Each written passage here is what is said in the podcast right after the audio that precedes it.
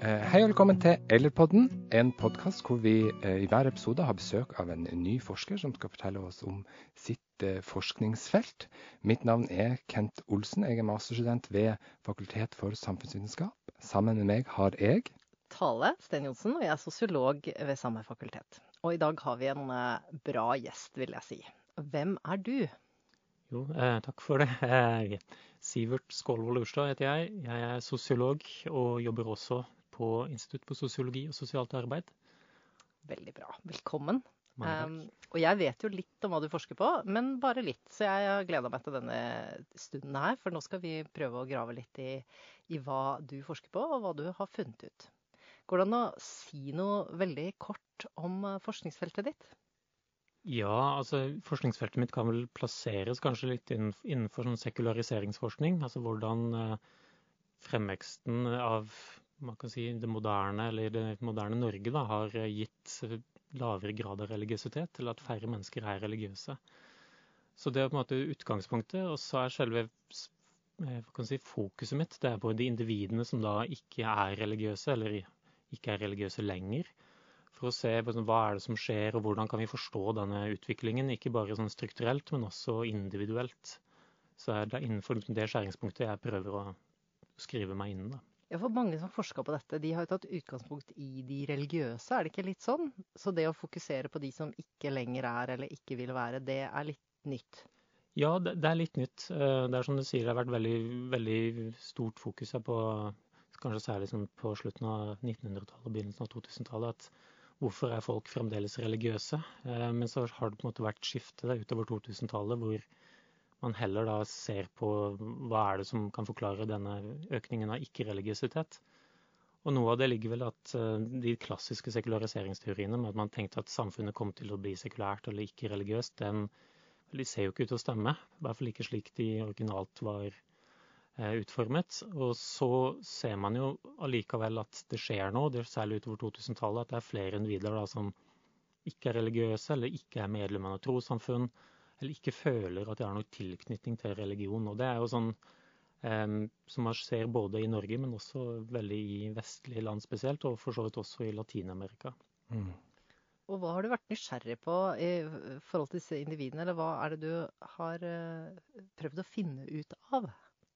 Jeg, jeg prøvde I doktorgraden min så prøvde jeg å se det fra litt ulike perspektiver eller litt ulike fokusområder.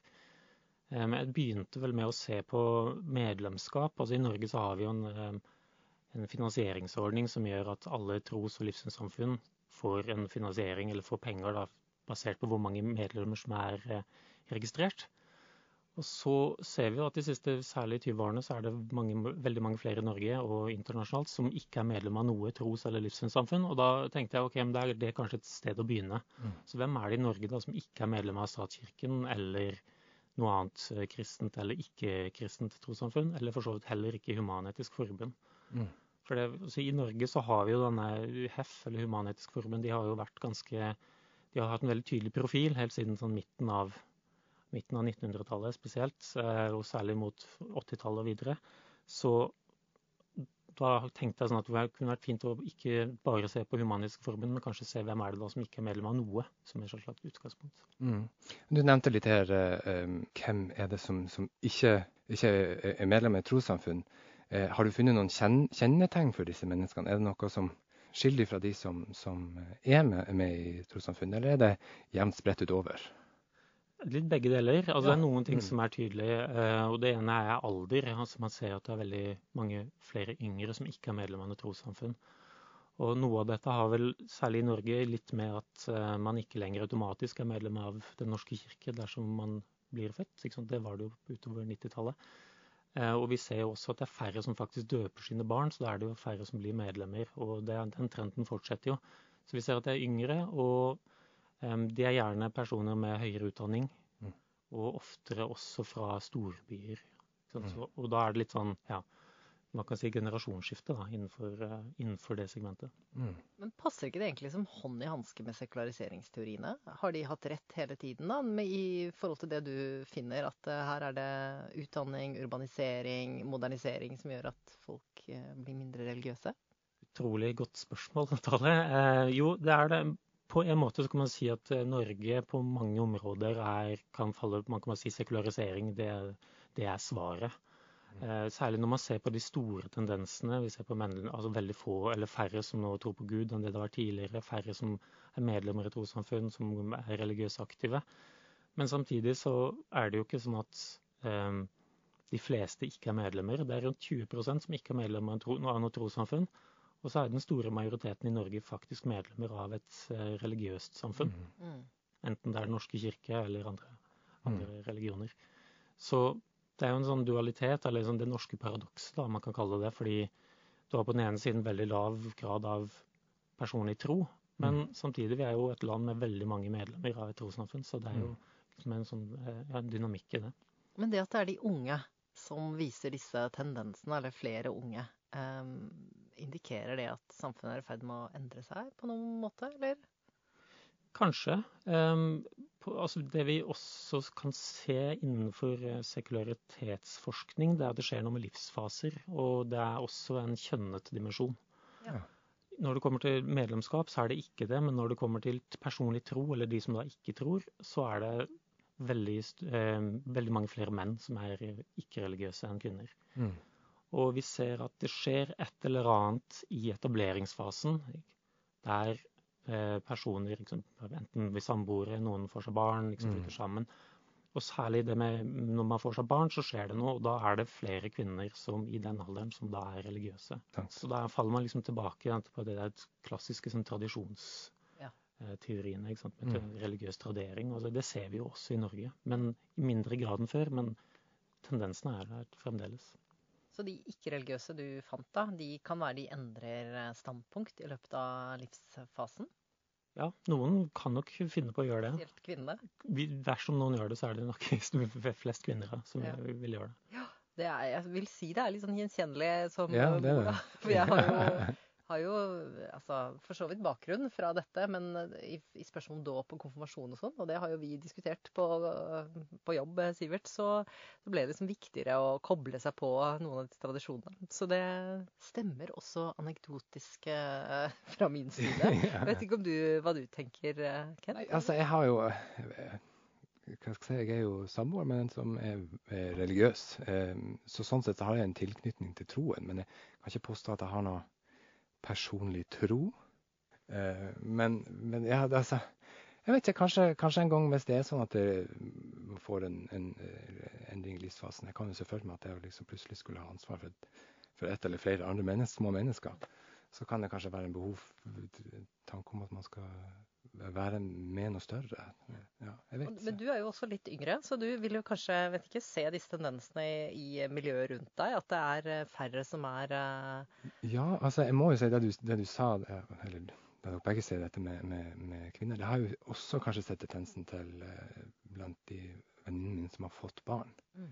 De, de, de, deltar kanskje nå i, i religiøse uh, sammenstillinger som de ikke gjorde før de mm.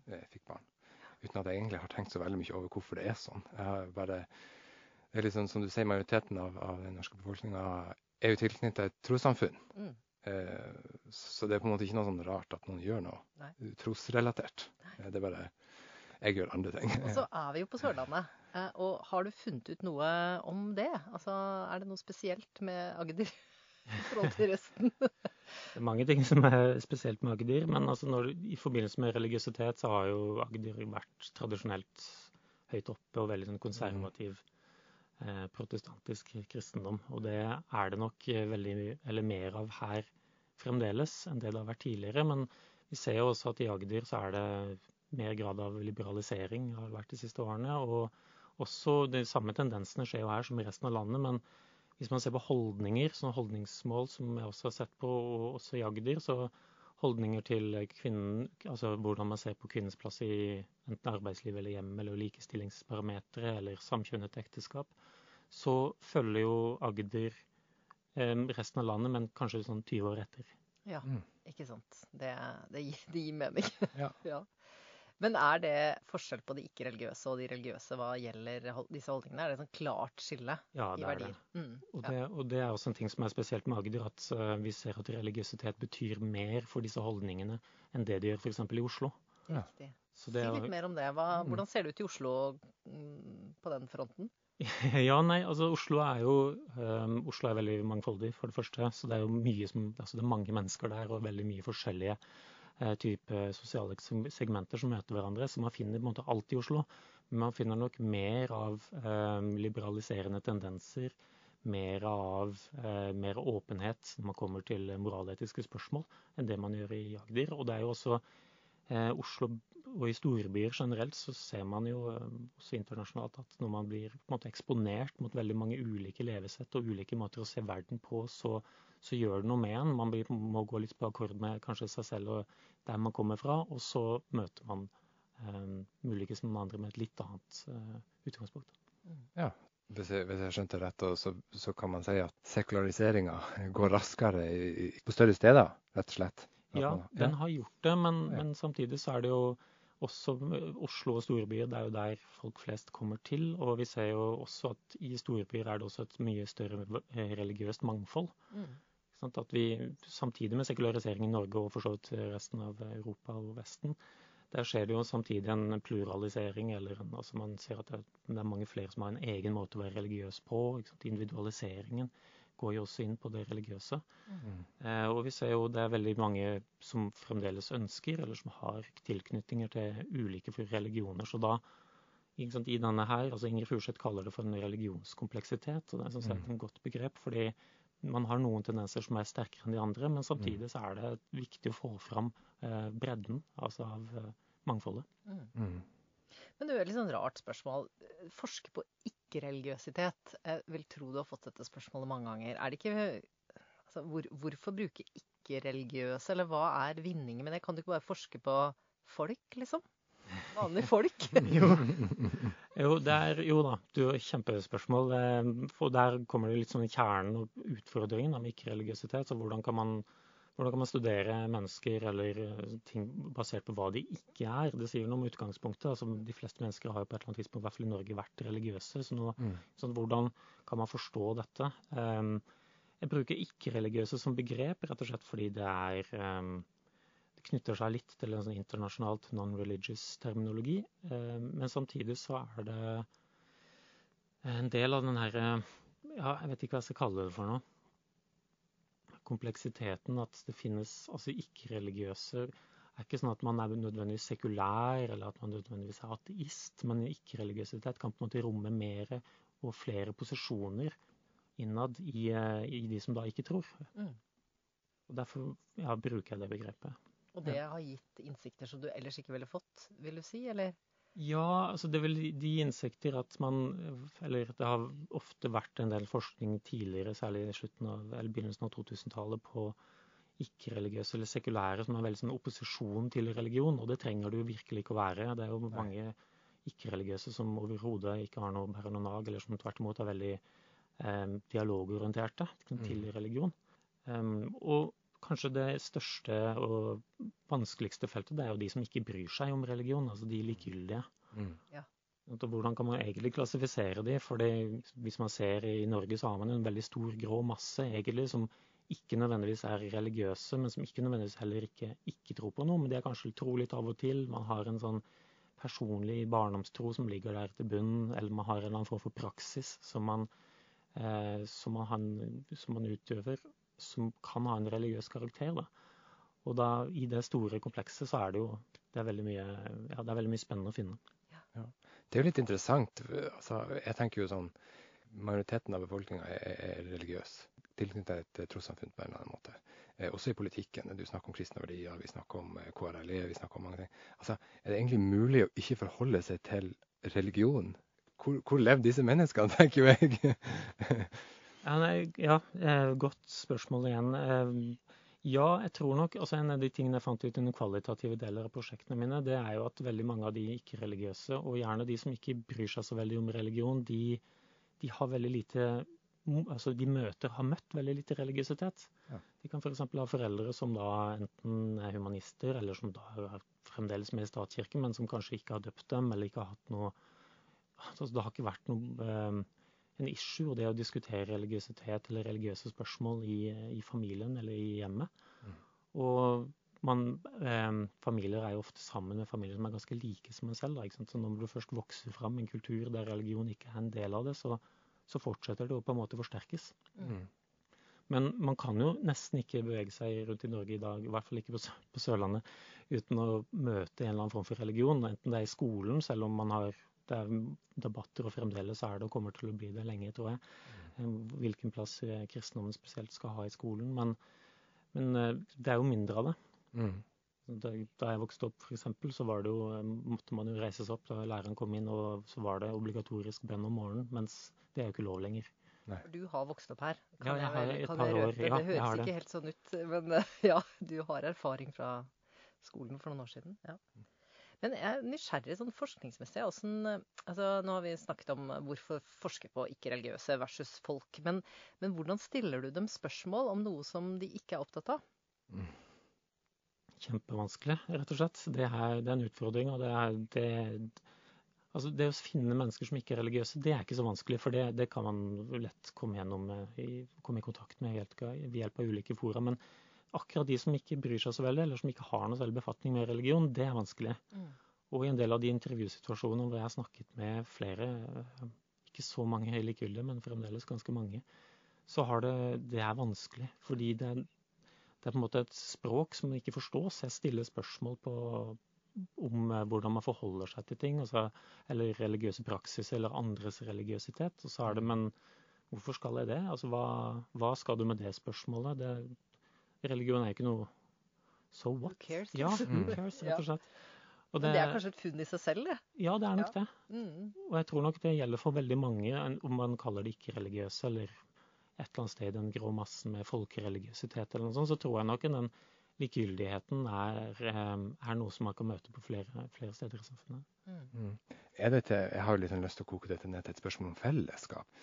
Eh, er det sånn at disse menneskene finner et, finner et fellesskap eller noe de brenner for på andre plasser, eh, som gjør at Altså, hva er det troen eh, gir av sjelelig eh, kunnskap og glede eh, som man kan finne andre plasser? Er det det det handler om, eller eh, eh, sliter litt med, med å liksom gripe fast, fatt i hva, hva er det ikke-troende holder i med mm. sjøl også? Liksom? Hva, hva, er det vi holder i for at vi klarer oss uten? på en måte? Mm. Har, du, har, du, lært noe om dette?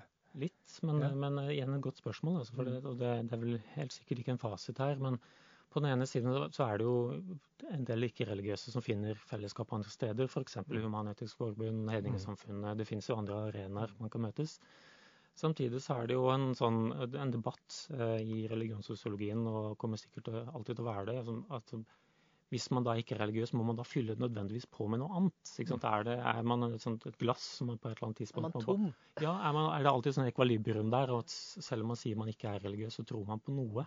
Mm. Eh, og det tror ikke jeg personlig. Eh, jeg tenker at eh, en del av de religiøse er bare en del som ikke er der lenger. Det er som om et språk som man ikke nødvendigvis kan lenger, eller mm. et uttrykksmåter. Men, men, det betyr ikke at det skal erstattes av noe annet, eller ikke heller oppleves som et savn for enkelte, for det er det jo ikke. Men for noen er det jo, selvfølgelig. Så det, jeg må bare mm. komme fram med den kompleksiteten her. Altså. Men uh, ofte så stiller vi jo gjestene våre spørsmålet om uh, liksom, hvorfor er det viktig å forske på dette, og det syns jeg du har svart godt på. Men mm. det, det, jeg lurer på mot slutten her, da, er um, hvorfor Eller nei, om du vil noe med denne forskningen sånn, som, som forsker, da. Er det noe du ønsker å forandre, påvirke, eller er det kunnskapshunger, eller Det er nok først og fremst kunnskap og nysgjerrighet. Ja. Eh, men jeg har jo alltid hatt en veldig har veldig, vært veldig opptatt av, eller vært nysgjerrig på sekulariseringsteorier. Altså hva som skjer i et samfunn, den dynamikken i samfunnet, og hvordan det påvirker menneskets både tro, men også verdier. Og da tenker jeg at når man ikke lenger bare fokuserer på de som da tror, men også kan se på da de som ikke tror, hva er det som til, legges til grunn her, så får man fram et mye bredere bilde. Da. Det håper jeg det kan være et, i hvert fall et bidrag da, inn til den debatten. Mm. Og jeg vet jo at du også snakker til Human-Etisk Forbund. Det er jo flere som er nysgjerrig på denne forskningen din eh, på ikke-religiøse. Så det kan jo være vi kommer til å høre enda mer etter hvert. Ja. Absolutt. Det er i hvert fall veldig, det er veldig spennende eh, og nytt begrep. Mm. Eh, Jeg har aldri, aldri hørt det før, før, før For du sendte meg en mail. eh, Sånn, kan du si noe om hva Sivert forsker på? Så nå røpa jeg kanskje, men du ville jo bare forberede deg. Men det er jo ikke noe kjent begrep. Altså, det er jo det det viser, at det, dette, dette må kanskje bli mer synlig. Gøy at vi, vi i Ellers-podden kan få lov til å være med og bane vei for nye begreper. Men Sivert, tusen takk for at du kom eh, og ville dele det som er eh, ditt arbeid med oss.